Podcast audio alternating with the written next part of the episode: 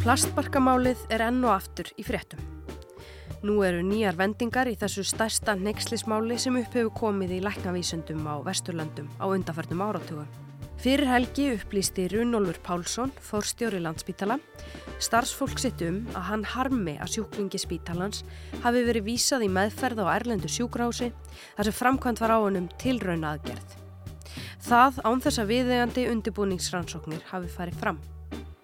Afleiðingarnar eru alkunnar að sjúklingurinn lést. Um er að ræða er í trjöfumannin Andi Mariam Bajene sem bjó hér á landi og var meðal annars sjúklingur Tómasar Guðbertssonar, læknis á landsbytalanum. Andi Mariam var fyrsta manneskjan sem ítalski skurrlæknirinn Pálo Macchiarini græti plastbarka í. Andi Mariam lést um það byrð 30 mánuðum síðar, 36 ára að aldri. Hann leta eftir sig eiginkonuna Meravit Barja Mikael Tesfas Lasse og þrjá unga sinni.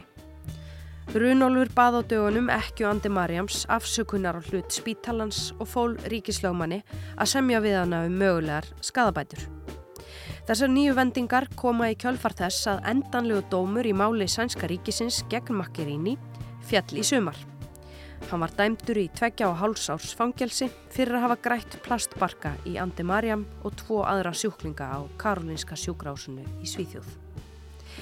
Einn helsta niðurstaða dómsins var að plastbarka aðgerðin á Andi Marjam hafi ekki verið gerð af neyð til þess að bjarga lífi hans. Hann hefði getað lifað í allverulegan tíma áfram ef hann hefði ekki farið í aðgerðina. Engin önnur stopnun en landsbítalinn hefur beðið meira vitt afsökunar. Landspítalinn er líka einastofnunin sem hefur viðkjönd mögulega skadabótaskildu í málinu og það er fleira sem dregur aðteglina enn á ný að plastbarkamálinu. Fyrir um halvu mánuði frumsýndi Netflix þryggjatháttaröð sem kallast Bad Surgeon eða Vondi skurrleiknirinn.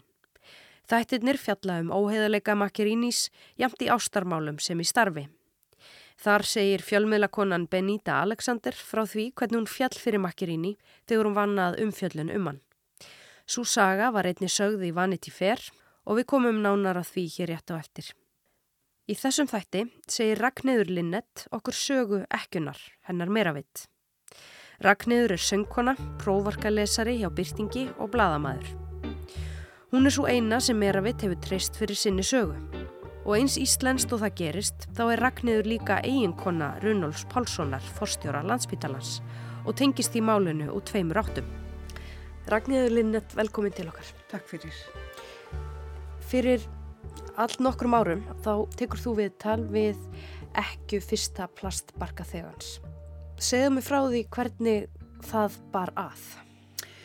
Já, ég fekk senda grein uh, sem byrtist í Vanity Fair og margir kannast við það sem er uh, um Macchiarini, þess sem að þessi bladamadur skrifaði ástarsögu sín og hvernig hún fjall fyrir Macchiarini. Ég fekk hann að senda frá vinni mínum. Ég hef alltaf haft áhuga á heilbriðismálum, uh, bæði nú vegna þess að maður minn er læknir og uh, líka vegna þess að mér fannst vanta meiri umfjöllun um þennan stóra hluta í okkar uh, fjölmjölum. Þannig að ég hafði skrifað tölvert um heilbriðismál. Nú, þegar ég fæ þessa grein í hendurnar, þá las ég hana bara upp til lagna og varð ekkert neginn óbúslega áhuga sum um þetta mál. Ég hafði aðeins heyrt af því en vissi ekkert meira en þetta var til þess að mér langa að skrifa um það. Þannig að ég ákvað að tala við Þór Snæ Júliusson sem þá var í stjóri kjarnans og hann, hún fannst það mjög áhugavert og sagði já. Þannig hófst þetta allt saman. Mm -hmm. Fyrir helgi þá heyrðum við að eh, eiginmaðurinn, Runólu Pálsson, hefði mm. beðið ekku Andi Marjan, beðið hanna afsökunar á þætti spítalans og hvernig málinn ægsluðust. Og nú situr þú hér, eh, hann var ekki spítalafórstjóri þegar að þú tókst þetta viðtal, en þú tókst eitt af aðeins tveimur viðtölum sem að Mervitt hefur veitt. Það er rétt og eina viðtalið sem hún hefur veitt eftir lát Andi Marjans. Mm. Um, hennar saga var í raun og veru fyrst sögð í því viðtali sem ég tók og í raun og veru einungis í því viðtali. og ég held að það til að mynda síni það uh, hversu erfitt þetta mál hefur einstinni. Hún uh, kemur hinga til Íslands þegar Andi Marjam er í námi, meistaranámi í jarfisindum og uh, þegar hann uh, lætur lífið og deyr af, hérna, eftir þessa aðgerð, illa haldinn á sjúkrahúsi, þá stendur hún uppi einn með þrjú ung börn, réttindalauðs og mállaus í ókunnu landi. Yngstabarnið uh, var sex vekna gamalt og það kannski sínir hversu örvæntingar full hún var að hún létt sér bókstæðlega hverfa. Það vissi enginn hvert hún hefði farið. Enginn. Og uh, hún bara kvarf. En hún fór til Svíþjóðar því að ekki átt hún afturkvæmt til Eritríu þar sem að mannréttind eru fótum tróðinn. Þannig að hún fór til Svíþjóðar, þar áttu þau vini og einhverja ættingja og uh, reyndi að koma sér þar fyrir og halda áfram með sitt líf. En allan þennan tíma þá uh, var enginn sem talaði við hana, hvorki frá Karolinska nýja landsbytalanum. Uh, það var enginn sem baði hana afsökunir að reyfildi veitin í hjálp, uh, sálfræðilega aðstóð, ekkert. Það var bara algjör þögn, eins og ekkert hefði gæst aldrei. Og uh, hún, meira vitt, er mjög velgefin kona. Eldklár kona og uh, dugleg og mjög sérmyrandi falleg kona og skemmtileg. Hún hérna fór að vinna svo sem uh, leiðbynandi í starfræði í skóla. Hún var í hagfræðinámi þegar þau kynntust, hún og Andi Marjam. Og uh, hennar uh, hlutverk var bara að halda utanum drengina og reyna að skapa sér líf í nýju landi. Ég las þetta viðtal Já, aftur. Já. Um, og þetta er, það kemst engin ógrátandi í gegnum þessa frásögn. Um, Eða byrja eins á byrjunni í, í þessu viðtali þar sem að hún lýsir einmanni sínum. Já, sko þannig var að hérna þau kynntust í háskólanámi. Hann var sem sagt að læra í arðvísindi og hún hagfræði. Og uh, hún sá þennan eins og hún líst honum hávaksna fallega uh, mann og heitlaðist af honum. Hún sagði hann hefði verið hversmanns hugljúi og afskaplega hjálpsamur og, og, og skapgóður og duglegur. Og uh, hann var mjög mikið með, með strákana en sko það sem að gerist líka og er vanin í eritríu það er að konur þegar þær giftast að þá fara þær að sjá um börn og bú. Og þannig var það líka í hennatilfelli, eðlilega. Þannig að, að hún uh, náði ekki að ljúka sínu háskólinámi þegar hann deyr. En svona kynast þau og sem sagt og hann fer til Íslands og hún var eftir með, með eldri strákana tvo og þegar hann var veikur og búið að sagt fjarlæga axlið að langmestum hluta úr barkanum hér heim á Íslandi þá kom hann til Eritríu til að heimsækja fjölskylduna. Og hún sagði við mig í þessu viðtali að það hefði enginn geta séð að þessi maður væri annað en, en bara algjörlega helbriður því að hann fór út um allt og hamaðist og lekvið strákana. Og uh, hún sagði þú hefði þurft að taka skýrtuna af honum með rífana til að sjá að hann var með skurð mm. á, brjóst, á brjósthólunu. Hann kemur svo að tingað í nám uh, í jarðvísindum og á meðan hann er á Íslandi þá greinist hann með krabbaminn og ægsli, er það ekki? Jú, mm -hmm. hann hafði verið með, eða var með asma, greindur með asma og um, svo versnað honum þannig að það kom sérstaklega í ljós, hann fór á bráðmótugu, kom í ljós að hann var með uh, aðeins meirinn asma.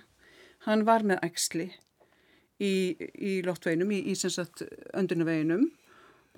Hann fór í stóra aðgerð og hann var mjög hægt kominn eftir þá aðgerð. En allt fór vel og uh, það náðist sagt, að taka svo til allt ægslið sem var nokkuð stórt voru uh, skildir eftir 1-2 mm cirka bát og um, þannig að það var náttúrulega mikill léttir, hún sagði við mig, ég heyrði ekkert í honum allt inn í tvo daga, við vorum vöna að tala saman á Skype okkur um einasta kvöldi og hérna svo heyrði ég ekkert í honum í tvo daga og hún var náttúrulega mjög hrætt einhvern veginn hafði enginn haft samband við hana, þannig að hún náði í einhvern upp í háskóla og sá aðili það, þannig allavega í gegn, gæt hún fengið þær upplýsingar að hann væri lægi á sjúkrahúsi meðutundalöðsel. Sem sagt að, að það var færða aðtuga uh, með áframhaldandi meðferð fyrir hann og uh, leita til uh, Mass General spítalans í Boston. Þar var mikil þekking til staðar á þessum hlutum og þeir hafðu ráðlagt að geysla, sem sagt, byrja að leysi geysla á axli þar sem eftir væri.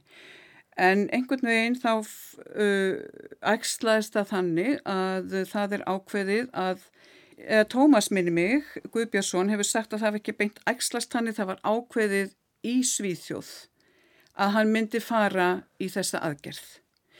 Andi Marjam fer þangað og heimsækir vinn og ættingi á undan, fer síðan á sjúkrahúsið og þá er honum sagt að eiginlega þurfi hann að fara í þessa aðgerð ef hann vilji lifa það að sjá börni sín vaks og grasi. Hann vissi reyndar, hún hafði aldrei verið reynd á mönnum, en uh, hafði verið gerð á svínum og var sagt, sem kom nú í ljós að, að var ekki, þannig að hann var mjög hrettur. En uh, við kannski skulum hafa í huga að þetta er maður frá Eritríu, þar sem að mannrettindi eru ekki háfum höfð, aldeilis ekki og hann náttúrulega er bara upp á sína lækna komin. Þannig að hann reyndar bara þetta undir sína fjölskyldu og ákvað að segja já og fór í þessa aðgerð en hann var rættur, hún sagði mig það. Um, það er hérna fyrirsögn í viðtalinu að læknarnir þrýstu á Andi Marja að fara í aðgerðina. Já, hún uh, segir það að þeir hafi þrýst á hann og uh, og með, meðalans með þessum orðum að ef maður vilji sjá börni sem vaks úr grassi og, og lifa og, og allt þetta að þá hérna verðan að fara í þessa aðgerð og uh, bara svo ég bara vitni hérna í viðtalið og hennar orð aðgerðin hafði aldrei verið gerð á lifandi manni og þess vegna var hann hrættur og vildi ekki fara í aðgerðina í fyrstu en það var þrýst á hann segir meira vitt. Laknarnir sögðu að ef hann færi aðgerðina myndi hann lifa með plastbarkan í 8 til 10 ár. Það er örugt, sögðu þeir, og ef hann vildi lifa og sjá börnin sín yrðan að fara í þessa aðgerð. Þeir myndust aldrei á aðra möguleika við hann. Og hann hefur engar forsendu til þess að, að reyngja þessa lækna? Nei, í raun og veru. Minna maðurinn er, er ekki læknir og, og, og uh, hann náttúrulega lagði bara trössitt á þá, eðlilega. Hvernig lýsir svo Miravitt um, dögunum og, og tímanum eftir plastbarka aðgerðina? Um, ekki góðum. Leiðin virtist liggja niður á við og uh, hún sagði hún hefði stöðugt verið hrættum hann, bara daga og nætur. Það hefði, hann var mikið á spítala, það þurfti alltaf að vera reynsa upp slím úr öndunaveginum svo hann gæti andaðilega og uh, líðaninn var ekki góð. Og síðasta árið var vist Hálger Hörmung, segir hún. Og uh, hann var bara mjög veikur. Hún tóst að klára meistarriðgerna sína en hún segir hann hafi átt mjög lítið eftir af henni og að hann hafi verið hartulegur. En uh, hann var inn og út af spítulum alveg látlöst. Mm. Og svo náttúrulega á endanum að þá kom kallið og hún raug upp á spítala og, gat, og náði því að vera hjá honum þegar hann lést. Í hvað stöðu er hún þegar þessi veikindi koma upp? Hún er náttúrulega ekki góðri stöðu. Hún hefur engi réttindi hér. Hún fer úr landinu og uh, auðsjáðanlega á ekki afturkvæmt og hún hefur enga stöðu. Hvergi? Hún er raun og verið landlaus og réttindalaus. Þannig að hún hefur verið náttúrulega mjög örvætningarfull og mállust líka sko og þannig að hún, eins og ég sagði á þann, hún bara læti sig hverfa. Ég veit að það var margir blaðmenn reynd að fá hana til þess að segja sögu sína eftir þetta. Já. Veistu hvernig fyrir henni komið í dag? Já, já, hún hérna meira við, þetta er sterk kona og hún hefur bara viljað halda áfram með lífsitt þó að þetta mál hafi náttúrulega eldana og verið náttúrulega skuggi í hennar lífi, sannarlega, drengirnir eru föðurlausir og hún missir ekkit bara mannin sinn, hún missir framtíðina líka. Þannig að hún missir ákaflega margt og náttúrulega góðan vinn og góðan eiginmann. En uh, hún í dag, þá er hún að vinna sem fóstra og hún tók, fekk sér réttindi og lærði og uh, hann langaði, vissi ég, til að fara aftur í hagfræði en uh, eðlega þá treyst hún sér ekki til þess með, með þrjáunga drengi og líka bara fjárhagslega hefur hún ekki haft efnaði en hann er langar til þess, ég veit það hún hefur sagt mér það. Og uh, en hún bara er mjög stolt af drengjónum sínum og, og hérna gerir mikið fyrir þá og hugsaður mjög vel um þá. Uh, Svíjarnir hafa nú ekki gefið henni einar, láta henni að fá henni eina bætur. Hún hefur fengið eitthvað smá aur fyrir, fyrir það að flytja kistuna uh, millir landa eða heimsálfa má segja og uh, annað ekki. Þannig að hún hefur verið kvekt og hún var bara einn í heiminum með allt þetta á bakinu. Þessa sorg með drengina horfið upp á það kannski blöðunum að sjá umfjöllun og var alltaf verið að tala um, um læknana og stopnarnirnar og allt uh, út frá þeim Eða eins og hún sagði bara sjálf, það snýrist allt um að vernda læknana en enginn talaði við mig. Talaði enginn við hana. Þetta eru loka orðin í þetta helst í dag. Átakanlega saga Ekkju Andi Mariam Bajenne sem lést aðeins 36 ára gamall eftir plastbarka í græðslu. Við ætlum að halda áfram að fjalla um plastbarkamálið í vikunni. Þóra Tómasdóttir þakkar kærlega fyrir hlustununa í dag. Við heyrumst aftur á morgun.